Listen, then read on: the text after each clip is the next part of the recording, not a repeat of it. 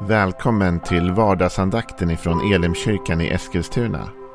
Det här är en podcast som kommer ut måndagar till fredagar. Om du vill veta mer om vilka vi är, vad vi tror på, hur du kan komma i kontakt med oss eller vad vi kan erbjuda dig för någonting så gå in på www.elimkyrkan.com. Får jättegärna gå in och likea vår Facebook-sida. Det är facebook.com elimeskilstuna. Eller så söker du upp oss på YouTube och då söker du på Elimkyrkan Eskilstuna. Vi vill jättegärna komma i kontakt med dig. Men nu lyssnar vi till dagens andakt. Välkommen till vardagsandakten. Vi börjar, hör och häpna, närma oss slutet av vår genomgång av psalm 94. Vi är inte riktigt där än, men eh, vi ska fortsätta mot slutet av den. Och det är en väldigt speciell psalm som eh, handlar mycket om orättvisorna i världen. Det börjar ju så att psalmisten ber att jordens domare och hämnare ska träda fram och göra någonting och frågor som varför går det den gudlöse väl och så vidare. Men även ner på ett mer privat plan, vem ska skydda mig och stå upp för mig mot ondskan i världen? Och så kommer vi nu till det sista partiet kan man säga i psalm 94. Och vi kommer inte bli klara med det idag, men vi, kommer ändå, vi går in mot landning så att säga. I Psaltaren 94, vers 20. Kan en orättfärdig domstol ha gemenskap med dig?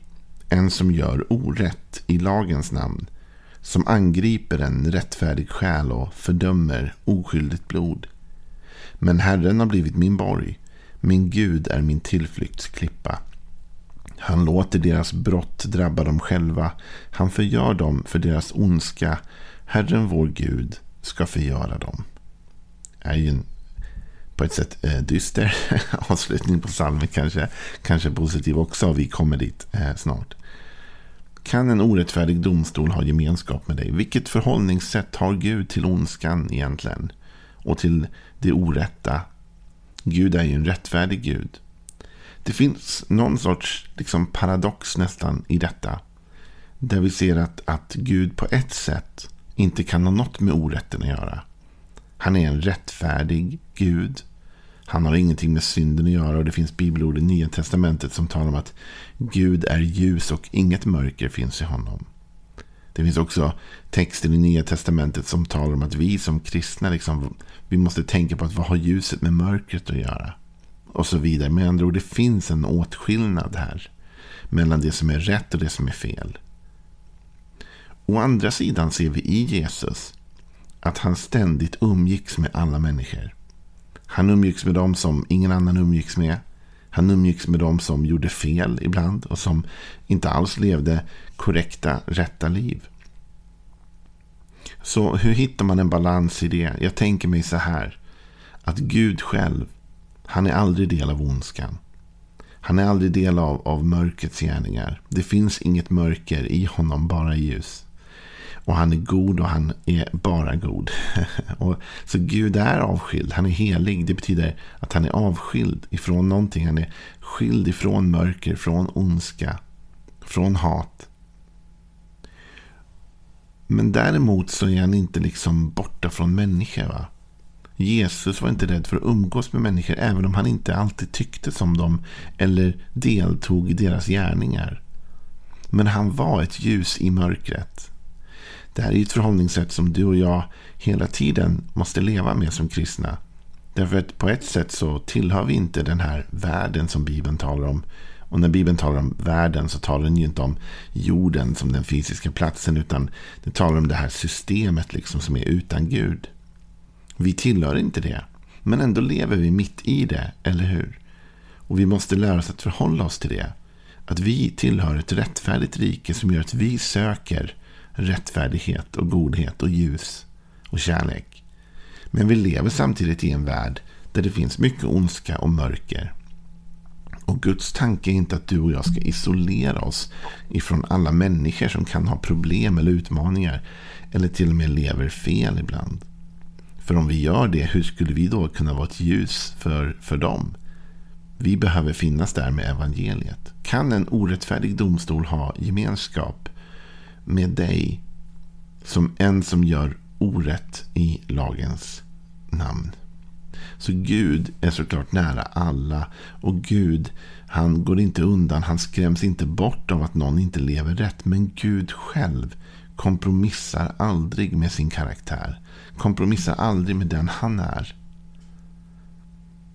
Så det är inte fel att ibland umgås med människor som kanske inte alltid lever 100% rätt och riktigt enligt vad Bibeln lär. Det är inte fel. Men du och jag, vi måste vara noga med vår egen karaktär. Och försöka värna den så att vi håller oss heliga och, och rena i den här världen så att säga.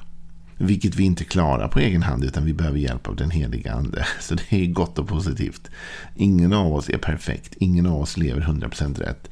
Utan vi lever i nåd. Och vi lever med den heliga andes hjälp. Men sen kom något intressant tycker jag. Det var den här versen. En som gör orätt i lagens namn. Här blir det kontraster och jag ska snart läsa att man kan översätta det här på olika sätt också. Som skapar en ännu tydligare kontrast. Men om vi tänker detta, en som gör orätt i lagens namn. Här är det liksom det orätta, det är ju såklart fel, eller hur? Det är någonting negativt att göra orätt. Va? Men lagen ska ju vara någonting positivt. Lagen ska ju upprätthålla ordning och upprätthålla ett gott samhällsklimat och så vidare. Så här är någon som gör orätt i lagens namn. Man använder alltså någonting gott för att göra någonting ont. Man använder det goda som en förespegling för det onda som man egentligen vill göra. Och det är ju ett oerhört såklart lurigt tillvägagångssätt, eller hur? Någonting att verkligen akta sig för. De som låtsas göra det goda. Men egentligen drivs av helt andra motiv. Och som i slutändan då säger han blir till ett angrepp på en rättfärdig själ. Och som fördömer oskyldigt blod. Man kommer till helt fel eh, domslut liksom utifrån detta. Det går också att översätta på ett annat sätt. Stod det i min folkbibel när jag läser så står det att gör orätt. Annan översättning vållar lidande. Det här tyckte jag var en väldigt bra formulering. Vållar lidande. Som vållar lidande i lagens namn. Alltså kan man ge sig ut för att göra det goda. Men genom det vålla lidande för någon annan. Jag tror att det här är mycket av det som Jesus ger sig på fariseerna för. Att de till synes har goda liksom, ambitioner och en god utgångspunkt. Men deras agerande är sådant att det till slut bara leder till lidande för människor runt omkring. Jesus till exempel, han var rättfärdig. Han gjorde ingenting som bröt mot lagen. Han uppmuntrade det inte heller. Men Jesus vållade inte lidande hos människor. Utan överallt där Jesus var så hjälpte han människor. Och Det finns ett sånt tydligt exempel tycker jag i Johannes kapitel 8. Och Vi ska läsa den här texten. För det är en text som verkligen eh, berör det här området. Sedan gick var och en hem till sitt och Jesus gick till Olivberget. Tidigt på morgonen var han tillbaka på tempelplatsen. Allt folket samlades omkring honom och han satte sig ner och undervisade dem.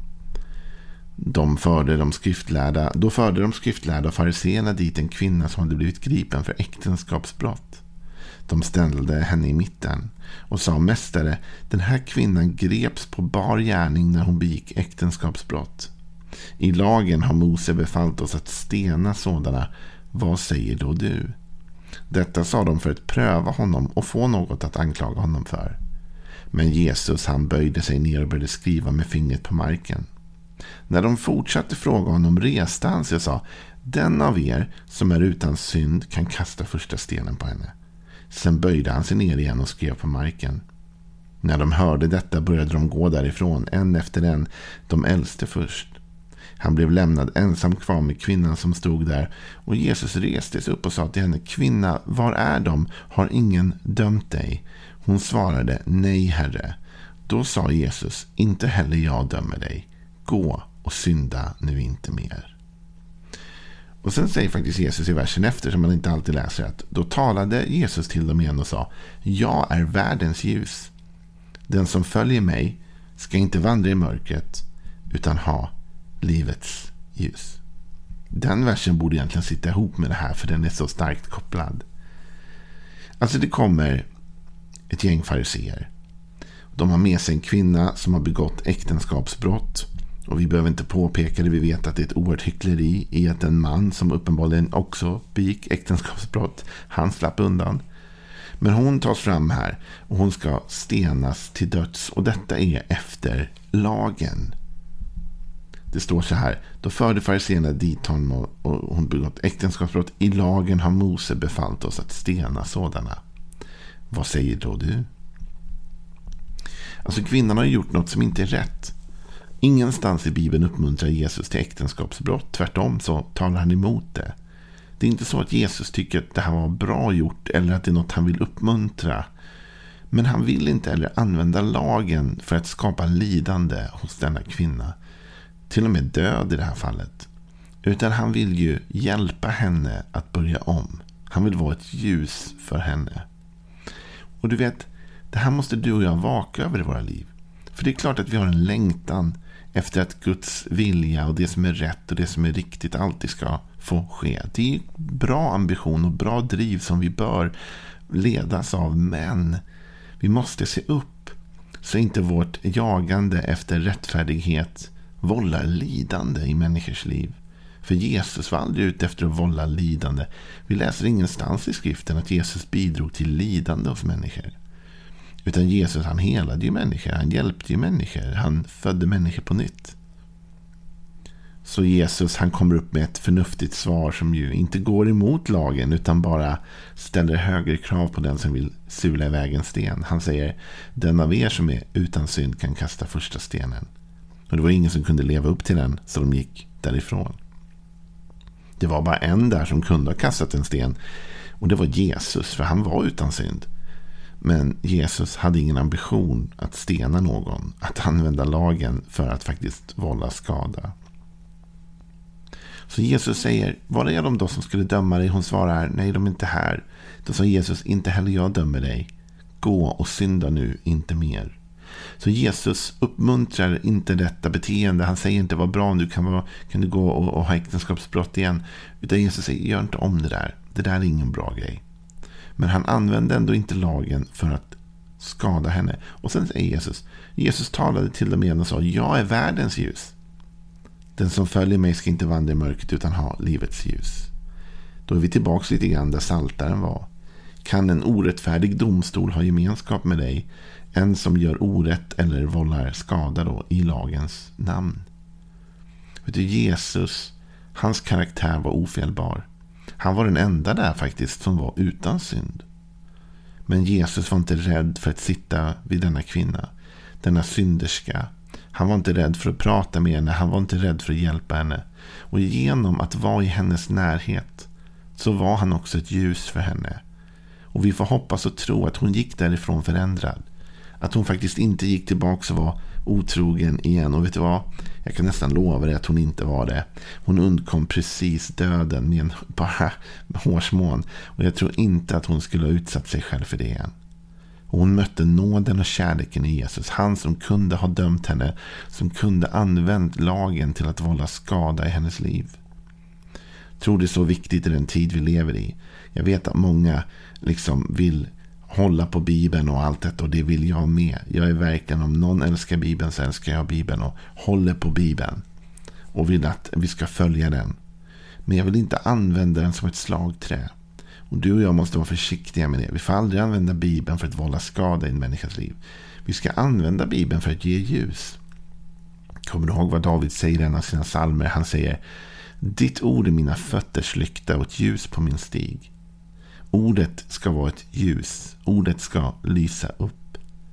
Så du och jag, vi ska leva ut ordet. Vi ska förkunna ordet. Men vi ska inte använda det på ett negativt sätt med orena motiv för att egentligen driva en orättfärdig sak. Det är inte din och min, det är inte min uppgift att sula stenar faktiskt. Det finns en domare, en rättfärdig domare som en gång kommer att döma världen. Men du och jag som har tagit emot Jesus, vi finner vår frihet i honom. Och vi kan uppmuntra andra att ta emot honom och få lämna sin synd och sin skuld och bli fria. Så jag vill uppmuntra dig idag. Jag tror faktiskt så här. Gud är överallt med alla. Han är själv inte del av något orättfärdigt någonsin. Utan han har en karaktär som är intakt och god. Han är ljus och inget mörker finns i honom. Men han är inte ute efter att skada någon. Han är ute efter att hela, läka och få människor att vända om och bli nya skapelser. Och det är vår uppgift också. Så använd inte lagen, även om lagen i sig är något gott. Använd inte ordet, även om ordet i sig är gott, till att vålla skada hos människor. Utan se till att använda ordet för att ge ljus åt dem så att de kan förändra sina liv och börja om igen. Ha en välsignad dag. Hej då.